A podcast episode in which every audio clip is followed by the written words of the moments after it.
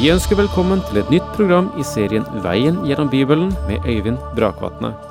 Denne studieserien er produsert av P7 Kristen Riksradio og bygger på serien Through the Bible av Vernon McGee. I dag fortsetter vi med gjennomgangen av Matteus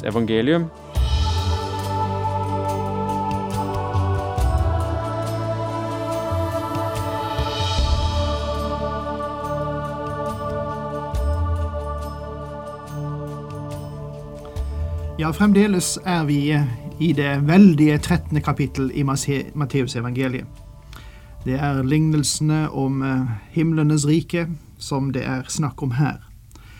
Jeg har sagt det ved et par tilfeller tidligere, og jeg vil understreke det fordi det er så vesentlig. Pass på at du behandler symbolene i disse lignelsene likt hver gang. Jesus har antydet hva en del av disse symbolene i lignelsen skal bety. Og da må vi ikke bruke ett symbol eller én tolkning på én lignelse, så bruker vi en annen tolkning på en annen. Har Jesus sagt at fuglene er, representerer noe ondt som tar bort såkornet fra menneskesinnet, så betyr det noe. Og da må det bety det i samtlige lignelser. Og slik er det også med andre symboler i disse lignelsene. Vi kan ikke velge vår egen tolkning, men der Jesus har antydet en tolkning, der vil vi bruke den. For det ordet Jesus sier, det er ikke feil. Vi eh, sa at vi denne gangen skal gå inn på lignelsen om surdeigen, og jeg understreket at eh, Matteusevangeliet er nøkkelboken i Bibelen, og at eh, kapittel 13 i denne boken, det er nøkkelkapittelet i Matteusevangeliet. Og så tror jeg at eh, det 33. vers, det er nøkkelverset i kapittel 13, og det er veldig viktig. Og Legg nå merke til denne meget viktige undervisningen i dette verset. Og vi leser altså vers 33, Matteus 13. Han fortalte dem enda en lignelse. Himmelriket kan lignes med en surdeig som en kvinne la inn i tre mål mel, så det hele til slutt var gjennomsyret. Himmelriket kan lignes med en surdeig, men stopp ikke der. Som en kvinne la inn i tre mål mel. Hva representerer surdeigen? Det er dem som tolker surdeigen som evangeliet men kanskje vi burde si til hverandre vi burde vite bedre. Ingen steder brukes surdeig som et prinsipp for det gode. Den er alltid et prinsipp for det som er ondt. Ordet surdeig forekommer 98 ganger i Bibelen. Det, ut av dem så er det 75 ganger som det opptrer i Det gamle testamentet, og 23 ganger i Det nye testamentet og det er alltid brukt negativt. En forsker som har navnet Daniel Lightfoot, har sagt at rabbinske forfattere regelmessig brukte surdeig som et symbol på det onde. I Det gamle testamentet var det forbudt å bruke surdeig i de ofringer som ble gitt til Gud. I Det nye testamentet advarte Herren mot fariseernes og saduseernes surdeig du kan slå tilbake i Matteus evangeliet og se i det 16. kapittel. Og apostelen Paulus talte om ondskapens og syndens surdeig, og det kan du lese om i første Korintiabrevs femte kapittel, vers åtte. Symbolbruken i Skriften motsier ikke seg selv, og vi kan være sikre på at surdeig ikke ble brukt for å beskrive noe godt her i Matteus 13. Surdeig er ikke evangeliet. Evangeliet er representert ved de tre mål mel. Hvordan vet vi det? Fordi mel lages av korn, og vår Herre har allerede fortalt oss i lignelsen om såmannen at såkornet representerer Guds ord.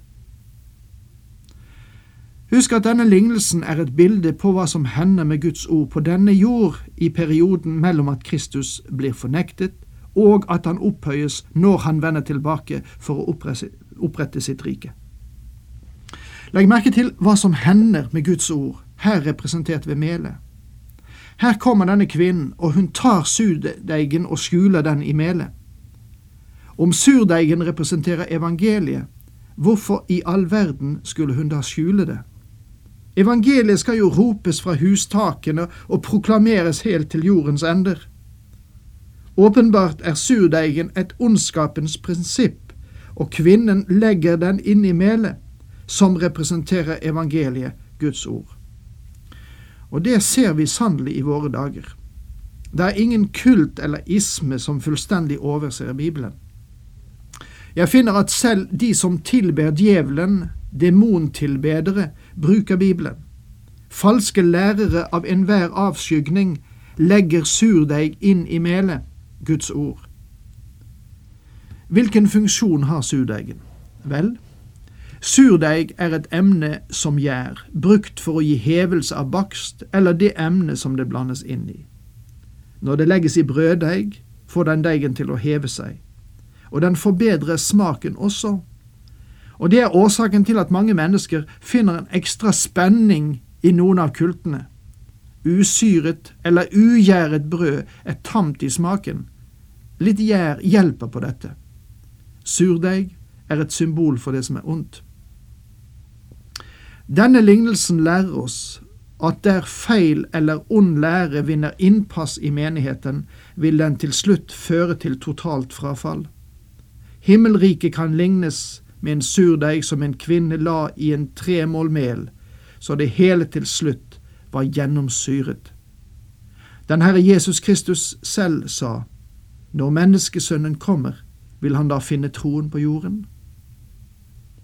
Måten spørsmålet er formet på på gresk, krever et negativt svar. Med andre ord sier han at når han kommer tilbake til verden, vil han være i en situasjon av total frafall. Og apostelen Paulus, når han skriver til en ung mann som holder på å utdanne seg for prestetjenesten, advarer han ham ved å si at tiden vil komme da de ikke vil tåle den sunne lære. Det endelige, totale frafall i menigheten er åpenbart i Laudikea-menigheten.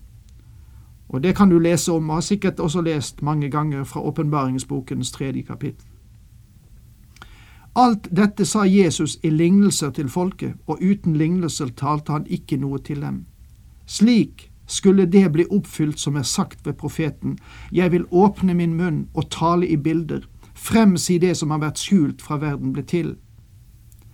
Jeg vil fremsi det som har vært skjult fra verden ble til. Det er et uttrykk som du må spikre fast. Herren gir oss en helt ny sannhet. De ting som Han åpenbarer nå i lignelser, har aldri vært åpenbart som dette i Det gamle testamentet. Så forlot han folkemengden. Da han var kommet inn i huset, gikk disiplene til ham og sa, Forklar oss lignelsen om ugresset i åkeren. Jesus hadde sendt folkemassene bort og har nå samlet disiplene rundt seg. Han skal tolke lignelsen om ugresset for dem. Og vi har allerede stanset ved den, men la oss lese den slik som Skriften gir oss den. Han svarte, den som sår det gode kornet, er menneskesønnen. Åkeren er verden.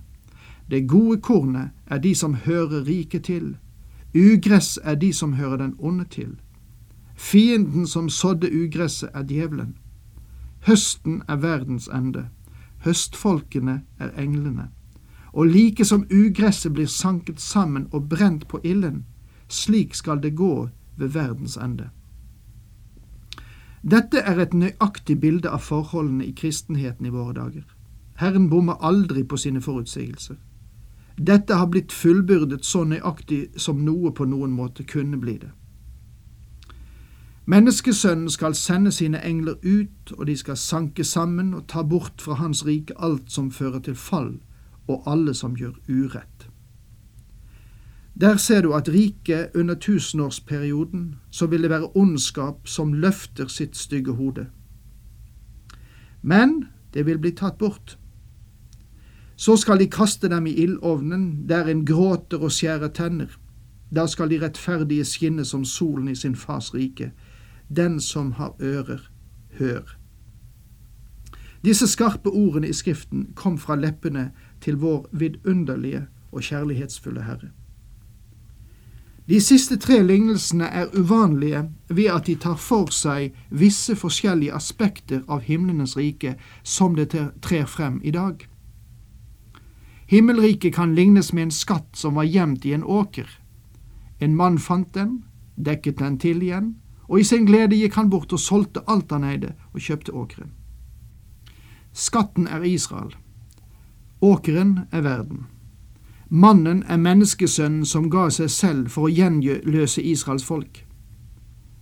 Dette er ikke en synder som kjøper evangeliet fordi evangeliet ikke er skjult i en åker. Men Israel er faktisk begravet i verden i dag. Noen vil vel si, vel, nå er de i alle fall en nasjon. Ja, det er de. Men sannelig har de noe å kjempe med.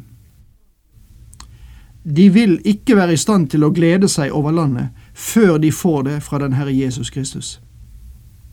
Intet annet eller ingen andre er i stand til å gi Israel fred uten fredsfyrsten.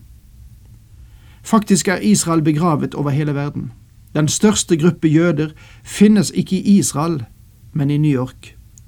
Og det jødiske folket er spredt over hele verden, men Gud er ikke ferdig med Israel som et folk. Apostelen Paulus skrev, Jeg spør da, har Gud forkastet sitt folk? Slett ikke. Husk, jeg er en israelitt av Abrahams ett og Benjamins stamme. Gud har ikke forkastet sitt folk, det folk han hadde vedkjent seg. Det kan du lese i Romerne 11, de to første vers. Paulus trodde at Herren ikke var ferdig med Israel. Zakaria en av de siste forfatterne i Det gamle testamentet, skrev at en ny dag ville komme for Israel. Men over Davids hus og over innbyggerne i Jerusalem utøser jeg en nådens og bønnens ånd. Da skal de se på meg, på ham som de har gjennombåret, og sørge over ham like som en sørger over sin eneste sønn, og klage bittert over ham like som en holder klage over den førstefødte. Zakaria kapittel 12 Profeten Jeremia taler mange steder om at Israel skal samles på nytt, og at Gud skal føre dem tilbake til sitt land. Den tiden hører ennå for en stor del fremtiden til. Når Gud samler dem, så vil det være et under så stort at de til og med vil glemme sin underfulle utfrielse fra Egypt, som har blitt feiret lenger enn noen annen religiøs helligdag har blitt det. Gud er ikke ferdig med nasjonen Israel, og denne lignelse gjør det helt klart. Israel er den skatt som er skjult i en åker, og Kristus er den som i sin glede gikk bort og solgte alt han eide, og han kjøpte åkeren. Faktisk ga han seg selv for å gjenløse folket. Herren kjøpte dem med sitt blod, på samme måte som han kjøpte vår frelse og min frelse. Og Zakaria skriver om den renselse som vil finne sted når Kristus vender tilbake til denne jord.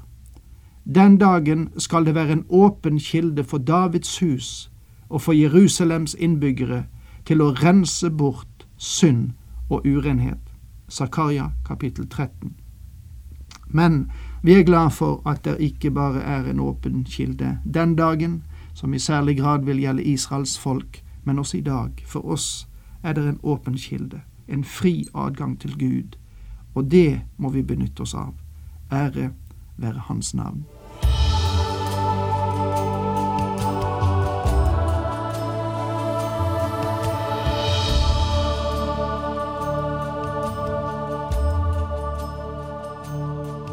Du hørte Øyvind Brakvatne i studieserien Veien gjennom Bibelen.